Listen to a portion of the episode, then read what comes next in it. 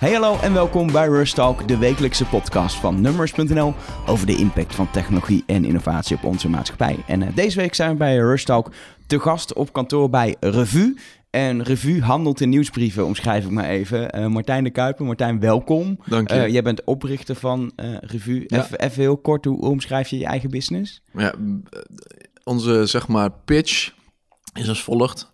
Wij maken het voor journalisten en schrijvers eenvoudig om hun publiek te bereiken op een waardevolle manier via persoonlijke nieuwsbrieven. Via persoonlijke nieuwsbrieven. Juist. En dat is waar ik het over heb. Um, um, want ik ben zelf ben ik heel erg in gebruiker van revue. Uh, ik ben ook wel eens tegengekomen in, in het wereldje, zeg maar. En ik dacht op een gegeven moment, de nieuwsbrieven, daar is eigenlijk wel grappig, want het is zeg maar zo, zo oud als de weg naar Rome. We hebben het over uh, jaren 90 internet, zeg maar. Dan denk je aan nieuwsbrieven. Ja. En je ziet een soort revival de laatste jaren in nieuwsbrieven zeker. En dan bedoel ik niet de nieuwsbrieven die je krijgt van een bol.com of de H&M ja. met de nieuwste aanbiedingen. Ja. Maar juist nieuwsbrieven met echt, zeg maar, inhoud erin, met, met informatie. Het is voor veel mensen een manier om, uh, om, om, over nieuws of bepaalde interesses echt uh, info uh, in hun mailbox te krijgen. Ja. En daar zijn jullie mee bezig. Dacht ik, nou, daar moeten we toch eens gewoon over hebben.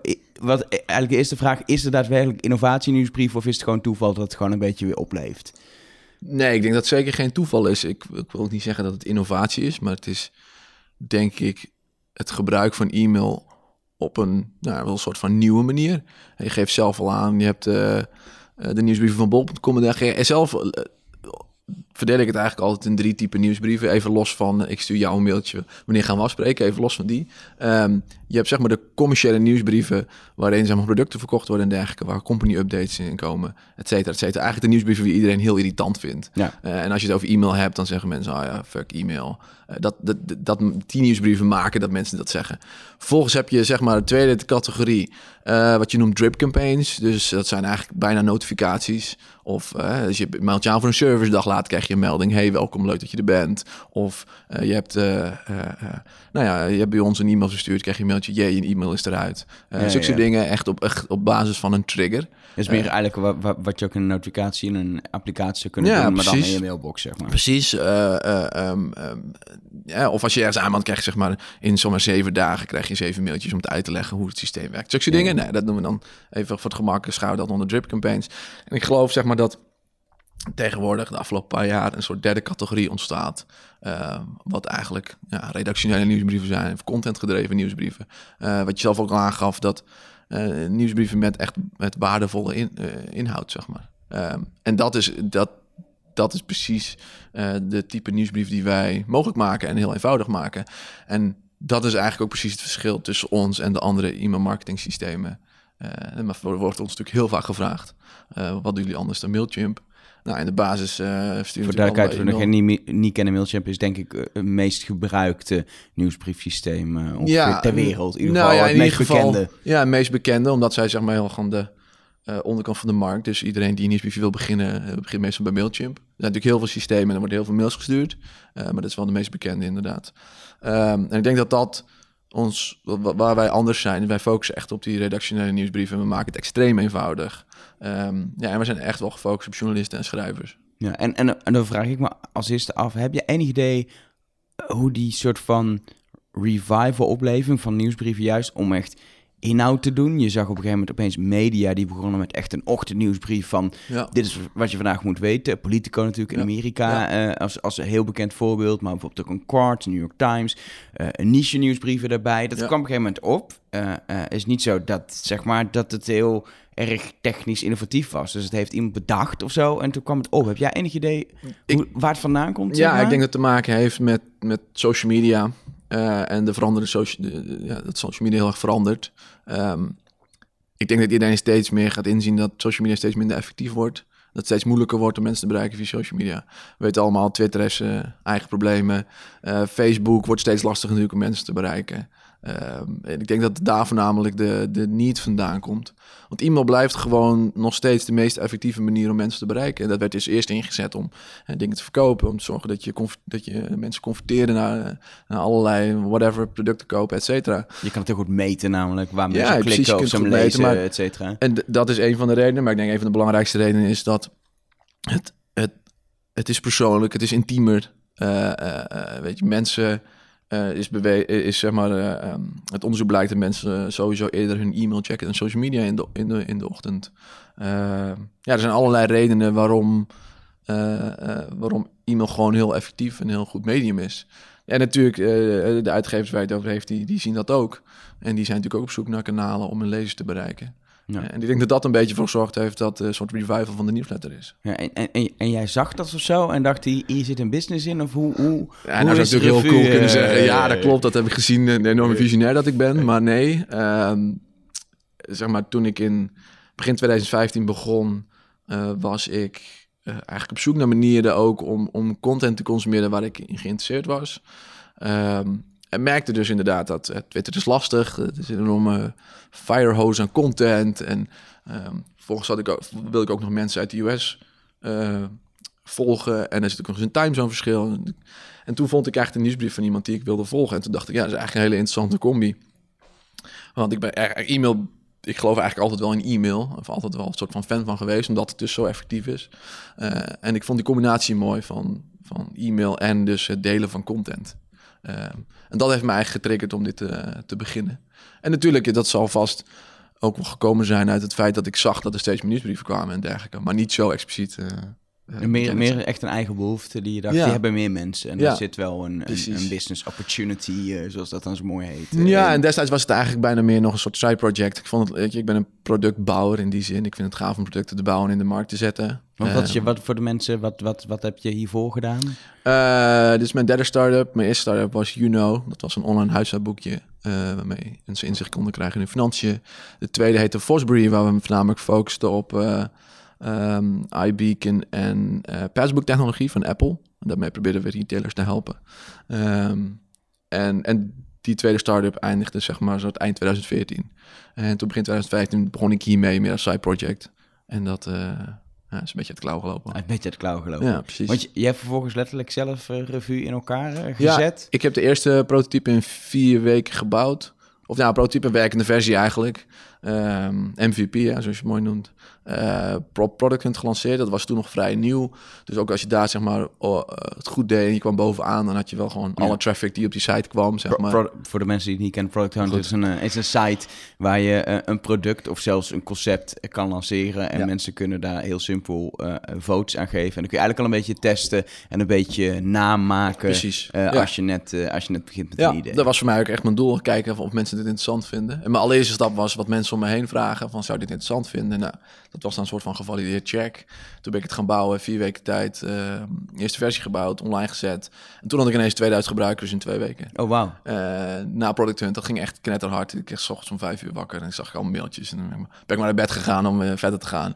En zo is het eigenlijk een beetje, een beetje doorgegaan, inderdaad. En tot... Uh, nou, acht... ja, welke periode hebben we het dan over? Uh, begin 2015, januari 2015, 2015 februari gelanceerd. En toen in september, oktober is uh, Mohammed, mijn huidige co-founder, erbij gekomen. Um, maar tot die tijd heb ik het alleen gedaan. De eerste oh, wow. maanden. Ja. Gewoon in eentje. Dat gebeurt ja. niet vaak volgens mij, dat een start-up echt een one-man show is in eerste nee. instantie. En dat, en dat heeft waarschijnlijk ook wel redenen natuurlijk, dat het misschien niet altijd slim is om te doen. En ja. daarvoor ben ik, eh, los van het feit, kijk, ik ben wel technisch. Ik kan dus iets, ik kan iets in elkaar bouwen, ik kan iets designen. Maar ik, technisch ben ik niet super sterk. Dus op een gegeven moment was het ook wel gewoon nodig. Maar het is ook altijd wel goed om je bij te hebben, inderdaad. Ja. Maar um, ja, dat, dat, ik vond het tof in mijn eentje te doen. Het ging. Uh, dus eerst de investering opgehaald in mijn eentje.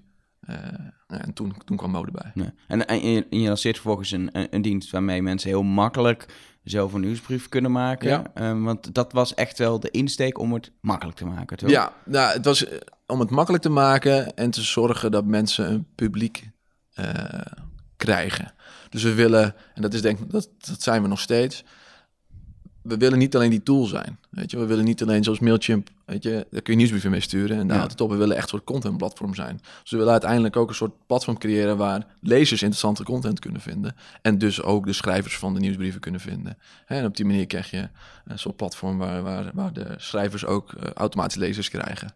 En er is nu ja, of niet, eigenlijk al een tijd een soort derde bijgekomen willen mensen ook helpen om geld te verdienen aan een nieuwsbrief. Oké. Okay. Uh, en dat, dus, dat zijn een beetje de drie. Uh, wel interessant om daar iets, uh, iets verder op in te gaan. Um, je lanceerde het product, makkelijk nieuwsbrieven maken. En, en je zei heel snel had je 2000 gebruikers. Ja. Wat voor soort mensen gingen er aan de slag met je? Ja, dat waren natuurlijk systeem? wel gewoon geeks zoals ik, mensen die product hunt zaten. Nogmaals, dat was toen niet zo heel groot.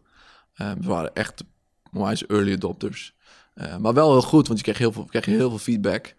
Um, ja, grappig, ik, zat, ik was toen nog in mijn eentje. Maar uh, ik kreeg heel veel feedback van mensen... Uh, waardoor ik het product verder kon, dooront kon, verder kon ontwikkelen. Hè, dat is natuurlijk super waardevol. Want wat je eigenlijk doet, is het testen. Je ja. lanceert iets om te testen. hey, is dit interessant? Dus de eerste indicator van dit kan niet zijn, was er. Mensen gingen ze aanmelden, gaven feedback, zeiden dit is super tof. En vervolgens dacht ik, ja, wat is nou een nog betere indicator die als mensen ervoor gaan betalen? Ja. Dus dan heb ik nog een maand later heb ik een betaalde versie geïntroduceerd. En um, dat was zo grappig. Ik, heb, ik was dus in mijn eentje, dus het was ook ja, vrijdagochtend uh, dacht ik, oké, ik lanceer het nu. En toen ging ik op windsport. dus, uh, Goeie timing. Handjes los en uh, wegwezen. En toen was ik s'avonds in het huisje en toen zag ik zo 1, 2, 3 mensen aanmelden, betaald. Dat was ik super tof. Uh, en nou, zo'n druppelsgewijs gingen mensen een beetje voor betalen. Dus het was eigenlijk nog een, soort ja, validatie van het feit dat mensen het interessant vonden. En dat zijn allemaal, die eerste, eerste gebruikers waren echt allemaal mensen die gewoon eigenlijk op zichzelf, op een eigen titel, persoonlijk een, een nieuwsbrief ja. lanceerden over een onderwerp wat zij uh, Precies, veelal tech, veelal tech, ja, want dat is een beetje onze wereld. Ja, en, dus dat is makkelijk bereiken. En, en, en, en, zeg maar, van die 2000 eerste mensen, hebben die nog steeds een nieuwsbrief? Is het, is het echt een blijvertje of was het vooral uitproberen en weer wegwezen? Nou, ze zijn er natuurlijk nog wel. Uh, maar dat is wel iets wat we merken, wat wel, wel lastig is. Er zijn heel veel mensen die beginnen. En het is natuurlijk, nou, dat weet je zelf ook, het is best wel wat werk.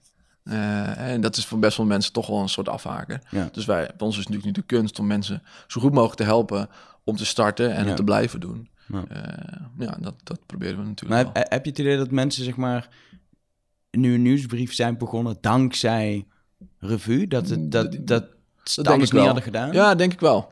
Ja, want bedoel, die behoefte van dingen delen en ja, in zekere zin toch een soort, soort expert worden op een bepaald gebied of een, merk, een persoonlijk merk opbouwen, die, die behoefte is er. Weet je, en dat, heel veel mensen doen dat eigenlijk. Dat is wat, wat, wat mensen op Twitter doen. Ja. Um, en ik, ik denk dat als ze zien wat de waarde is van zo'n nieuwsbrief, dus wat, wat, wat, we net al over hadden, je bereikt mensen echt. En ook interactie is vaak voor mensen heel belangrijk. Ze hebben meer interactie op een nieuwsbrief, uh, zulke soort dingen.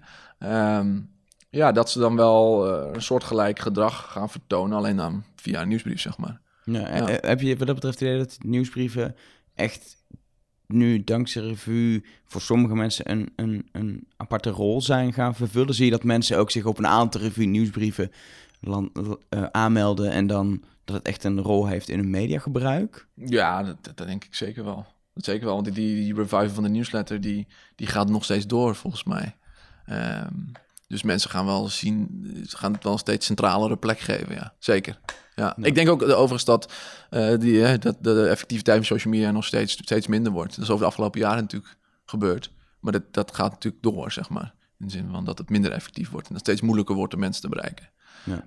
Um, dus ik denk dat... Dat in... gebruik op zich groeit natuurlijk alleen maar. Ja, dat klopt. ja, dat klopt. Maar wat, dan moet je gaan afvragen, wat is gebruik? Ja. Zeg maar. En, um... Kattenvideo's. Hè? Ja, nou ja, precies. Ja, precies.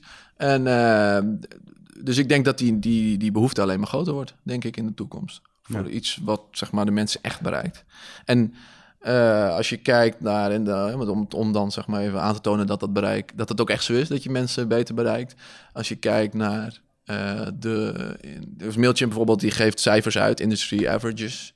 Uh, dus als je kijkt naar de uitgeverswereld, toen zij zeg maar zo, zeggen zij dat gemiddeld 20, 22% open rate is. Bij ons zit dat rond de 50% En dat heeft natuurlijk te maken... Dus de helft van de ontvangers opent de nieuwsbrief. Ja, van waar, waar je het van weet inderdaad. Ja, ja. ja precies.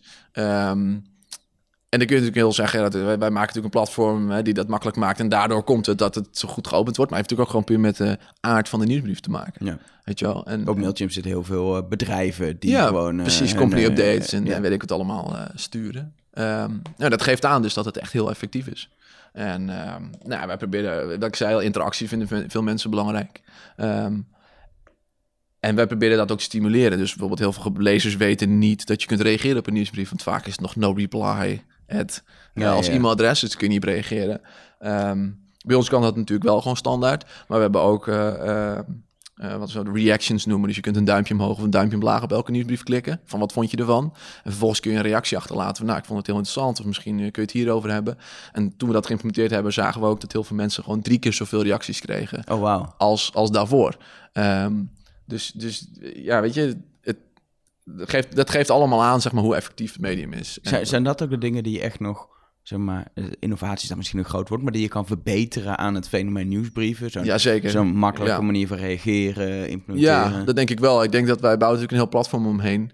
Dus wij, wij controleren zeg maar die hele user flow. Dus daar kunnen we hele leuke dingen doen, zoals bijvoorbeeld met dit reageren. En hè, zo kunnen we nog allerlei dingen uh, bijbouwen, zeg maar, die... Um, um, waar wij echt een soort één tweetje met het web doet. Hè? Dus je krijgt een mail en je kunt vanuit mail kun je eigenlijk niet zoveel. Maar goed, door er ergens op te klikken en knopjes aan te bieden, et cetera, kun je dan weer uh, naar de web toegestuurd worden en daar weer andere dingen doen. Ja. Uh, wel een van de dingen die we binnenkort gaan lanceren is dat je ook artikelen kunt voorstellen aan iemand. Dus je volgt een nieuwsbrief.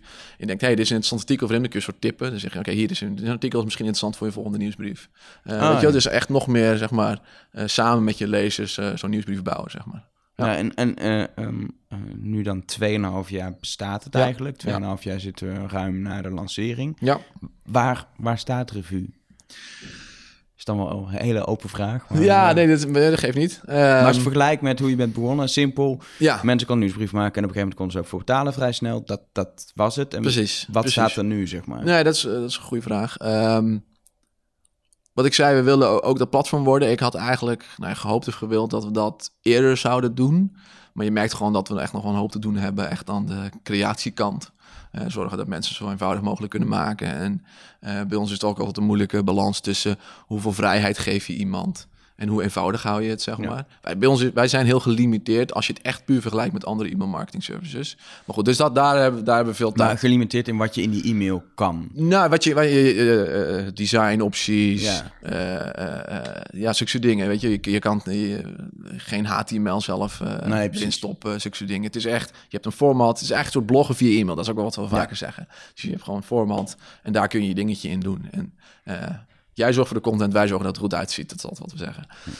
Um, dus daar, we, daar besteden, we veel tijd aan. Maar in de afgelopen jaren zien we dus steeds meer uh, journalisten, schrijvers, uitgevers die dit heel interessant vinden. Um, dus daar zijn we dus nu ook mee bezig. Dus over de zomer hebben we nu een nieuw pakket gebouwd voor uitgevers, zodat ze meerdere nieuwsbrieven kunnen managen, uh, meerdere rollen, um, ook een soort goedkeuringsworkflow, dus dat bijvoorbeeld een redactioneel team kan samenwerken uh, om zeg maar hun nieuwsbrieven te maken. Dus een redacteur kan een nieuwsbrief maken en kan hem dan insturen voor goedkeuring. Dus een eindredacteur kan zeggen deze is goed, die mag eruit, uh, zulke soort dingen. Um, daar zijn we nu ook heel erg mee bezig. je, je wordt dus een beetje van een van een systeem voor persoonlijke nieuwsbrieven voor, voor mensen als jij en ik, zeg maar, mm -hmm. die gewoon nieuwsbrief kunnen starten, word je een systeem wat in ieder geval ook echt in, in de uitgeefwereld gebruikt kan worden door redacties of door bedrijven. Precies, ook inderdaad. Want het is niet inderdaad dat we nu dat het vervangt, zeg maar. Hè? Het is nog steeds voor mensen zoals jij en ik. En de eindgebruiker is nog steeds die, die dat persoon die een persoonlijke nieuwsbrief maakt. Um, alleen maken we het nu eenvoudiger voor uitgevers om daar zeg maar meer controle over te hebben. En daar zeg maar een sausje overheen te gooien, ja. et cetera. Maar de eindgebruiker is eigenlijk hetzelfde. Dus dat, uh, dat is wel een belangrijk punt inderdaad. Ja. ja. ja. En, en, en, je zei net al in het begin van uh, een, een, een, soort pijlen waar je nu aan werkt, is ook mensen geld laten verdienen ja. met de nieuwsbrief. Ja. Dat is volgens mij heel interessant, want als je, als je nu kijkt naar media, dan gaat het heel veel over hoe kun je geld verdienen met, met media. Nou, Zo'n nieuwsbrief is ook een, een, medium op zich. Ja. Um, en, en jullie willen het mogelijk gaan maken voor de, voor de eigenaar, voor de uitgevers of voor de personen die zo'n nieuwsbrief sturen, om ja. een soort betaalde abonnementen te gaan doen, of hoe ik dat voor me zien? Precies, dus zoals we het nu voor ogen hebben, is dat je um, een betaalde versie kan toevoegen aan je huidige uh, nieuwsbrief, zeg maar. Of nou ja, je hebt één nieuwsbrief en je kunt zeggen, nou, je kunt, we hebben ook een betaalde versie. Um, uh, dus dat mensen kunnen inschrijven. Dus je, je meldt je aan voor de gratis nieuwsbrief. Maar vervolgens kan zeggen, oké, okay, ik wil ook de betaalde nieuwsbrief uh, ontvangen. En daar laten we natuurlijk nog een klein beetje ruimte uh, van wat krijg je als je betaalt. Dat we natuurlijk een klein beetje aan de auteur overlaten. Maar over het algemeen is het zo dat een auteur kan zeggen: um, Ik maak een nieuwsbrief en deze verstuur ik naar uh, of mijn gratis en betaalde mensen, ja. of alleen maar betaalde mensen. Dus je krijgt een soort premium, premium ja. content als je betaalt, zeg maar. Dus en bijvoorbeeld één keer per week krijg je de gratis voor iedereen. Precies. En is een soort extra verdiepende, ja. nog meer insightgevende nieuwsbrief. Precies. En dat is een model wat je nu natuurlijk heel veel ziet nu. Ik bedoel, de Ben Thompson, dergelijke van deze wereld, die doen dat heel goed. Um, dat is inderdaad wat we willen doen. En dat sluit heel erg aan inderdaad op hoe verdien ik geld met mijn content. we hebben daar best wel veel mee gesproken met gebruikers. die komen dan, ja, ik wil sponsorships in mijn nieuwsbrief en dergelijke. Nou, dat gaan we misschien ook nog een keer uh, mogelijk maken. Maar daar, ja, daar zijn we gewoon niet zo'n wijze fan van. doneerbutton, zeg maar. Nou, niet eens doneer, maar gewoon een beetje sponsored content en zo. Of banners ah, bij haast bijna in je nieuwsbrief. Ja, kan iedereen natuurlijk zelf weten. Als ik morgen iemand heb die zegt, nou, ik wil ja, nee, dat kan. een gesponsord bericht in jouw nieuwsbrief zetten, dan ben je daar vrij in. Dat gebeurt ook al, maar er wordt ook wel gevraagd voor features daarvoor. dat maar goed, daar, daar, wij geloven meer in dit, dit model, waar de lezers betalen. Nou ja, weet je, Patreon is natuurlijk een enorme voorloper op dit gebied. Die doet het natuurlijk op een, op een hoger niveau voor alle artiesten en schrijvers en dergelijke. Ja. Ehm, voor duidelijkheid, uh, ik, ik, ik, jij, jij, houdt heel veel van die termen die je ja, moet uitleggen. Uh, Patreon is een, eh, een platform waar je, waar je... Ja, vooral zit het in, een beetje in de artiesthoek. Ook in, in, wel in de muziek bijvoorbeeld. maar in principe ook iemand die schrijft. Of, nee, ja, gebeurt ook veel. Die kun je, dan kun je eigenlijk een abonnement op die persoon nemen... Um, om, om hem te steunen in zijn werk. En als ruil daarvoor krijg je van hoeveel je betaalt. Bijvoorbeeld bij een muzikant krijg je zijn muziek. Maar het kan ook zijn als je heel veel betaalt... dat je naar zijn concerten kan. of zelfs, weet ik veel, een meet and greet. als je echt heel veel betaalt. Dus precies wat je betaalt bepaalt ook wat je ja, krijgt. Het, het, is het mooie en dat hebben zij. Ze hebben dat natuurlijk heel knap gedaan, zeg maar, qua communicatie. Maar het is, ze noemen het, hè, je bent een, een patron ben je. Uh, dus je betaalt omdat je dan meer krijgt. Maar ook als, als een soort support. Ja. Weet je wel? Als je het alleen support of donatie noemt, dat is het niet helemaal. En alleen maar, zeg maar betalen omdat je er meer krijgt, is het ook niet helemaal. Het is een soort mooie combinatie van. En wij geloven dat dat, dat model ook heel goed kan werken voor nieuwsbrieven. Want nieuwsbrieven zijn heel persoonlijk. Het is eigenlijk gewoon een doorlopende crowdfunding. In plaats van een eenmalige crowdfunding. Ja, dat is een mooie uh, omschrijving. Is het een, is het een abonnement crowdfunding? precies. Ja, dat is wel een mooie omschrijving inderdaad. En daar krijg je iets voor terug. Maar ook omdat jij die persoon wil, wil ondersteunen, inderdaad. Ehm, en dat past voor mij heel goed bij nieuwsbrief, want ze zijn heel persoonlijk en heel intiem, wat ik al eerder zei. Ehm, en mensen zijn echt fan, zeg maar. Mensen zijn echt fan van het nieuwsbrief. Het is heel grappig. Zeg maar, toen in 2015 een van onze eerste investeerders is, is Nalde, oprichter van WeTransfer. En ik, dit haal ik altijd aan bij heel veel gesprekken. Um, die startte er toen mee. En na een paar weken gingen mensen op vrijdagochtend twitteren... hey, vanmiddag komt een nieuwsbrief van Nalde weer. Ja, oh, dat gebeurt natuurlijk echt met geen enkele nieuwsbrief, zeg maar. En dat vond ik, ja, dat vind ik altijd zo, zo sprekend, zeg maar... voor, voor dat mensen het echt heel tof vinden en er echt op zitten te wachten. Je creëert een soort community en daar willen mensen best wel voor betalen. Ja. En heb je, heb je een idee uh, hoe groot die markt is voor dat betalen? Is dat, eh, is dat een, een bepaald percentage van abonnees wat straks gaat betalen, denk je, als je dat lanceert? Of is het maar voor bepaalde mensen die echt heel groot zijn, zeg maar, een optie? Dat is een hele goede vraag. Um, daar heb ik natuurlijk niet uh, een eenduidig antwoord op. Moet, direct, nog, maar... je moet er nog gaan ontdekken ook. Precies. Ik, Kijk, ik denk dat het in eerste instantie voor ons een mooi per middel is. Weet je, dit, wat je net zelf ook al zei, het is een uh, vraag die speelt op dit moment. Weet je, hoe verdien ik geld uh, aan mijn content? Dus in die zin kunnen we hier mooi verhalen mee maken en is dat een mooi uh, nieuwswaardig, zeg maar. Maar ik geloof lange termijn zeker dat er steeds meer mensen dit kunnen gebruiken. En um, je hoeft ook eigenlijk maar, uh, dat hoor je wel vaker, je hoeft zeg maar maar duizend mensen die 2 of 3 euro in de maand betalen. En dan kun je er al van leven. En dat, ik denk dat, dus dat het toegankelijker is dan nog mensen denken. Uh, dus ik denk dat uiteindelijk hier wel een heel groot publiek voor is. Ja. En nu zijn het inderdaad nog die mensen die daar heel goed in zijn. En die paar mensen. Uh, natuurlijk proberen we die grote proberen we straks aan te sluiten. Uh, maar ja.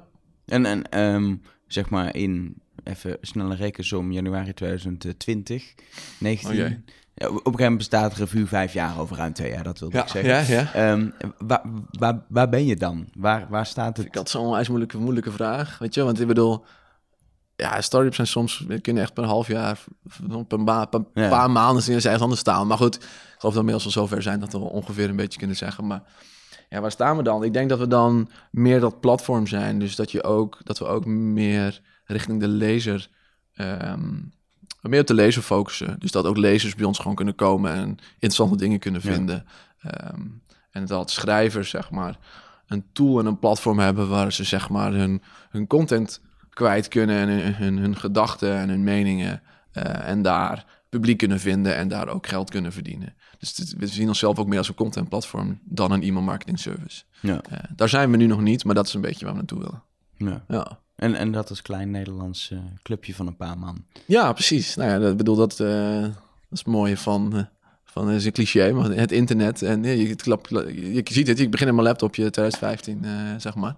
En wat, voor mijn beeld, wat, want je bent gewoon een Nederlandse club, maar je ja. bewust in het Engels natuurlijk gelanceerd. En eigenlijk de vertaling in het Nederlands is pas later gekomen. Ja, klopt. Hoe is nu de verhouding van, zeg maar, ik denk dat als je internationaal kijkt, los van misschien Amerika is misschien wat groot, maar, maar, maar hoe groot is Nederland in het, in het plaatje?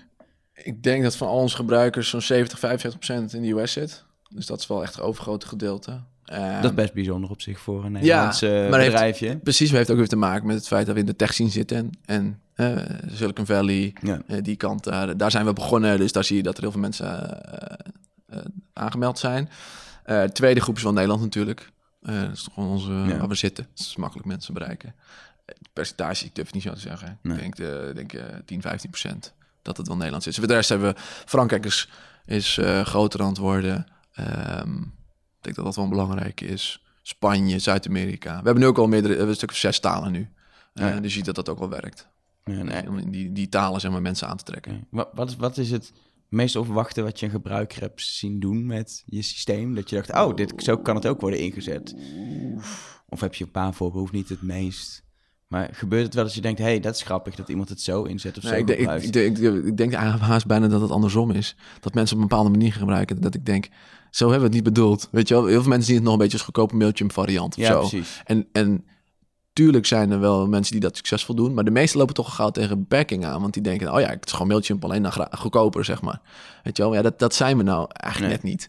Um, uh, dus het is eigenlijk een beetje andersom. Dus de, ik vind juist de mooiste nieuwsbrieven zijn de mensen die een mooie balans. Ja, en dat, uh, niet omdat wij nu deze podcast hebben, maar daar schaar ik jouw nieuwsbrief ook onder. Er is een mooie balans tussen uh, curatie, content curation en je eigen sausje eroverheen gooien. Hè, bedoel, er zijn mensen die.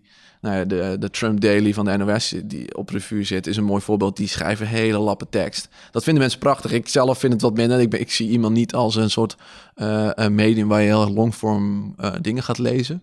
Um, maar die zijn er. je hebt helemaal aan de andere kant echt hele domme curatie. Uh, dom bedoel ik gewoon heel, heel snel. Ja. die mensen die zeggen, oké, okay, tien artikelen, punt. En dat is het. En, en ik vind juist de mooiste is dat snijvlak van... oké, ik heb een verhaal en ik wil iets vertellen... en ik onderbouw dat met artikelen... en ik geef mijn eigen mening en mijn eigen visie daarop. Dat vind ik de mooie, de mooie nieuwsbrieven. Ja.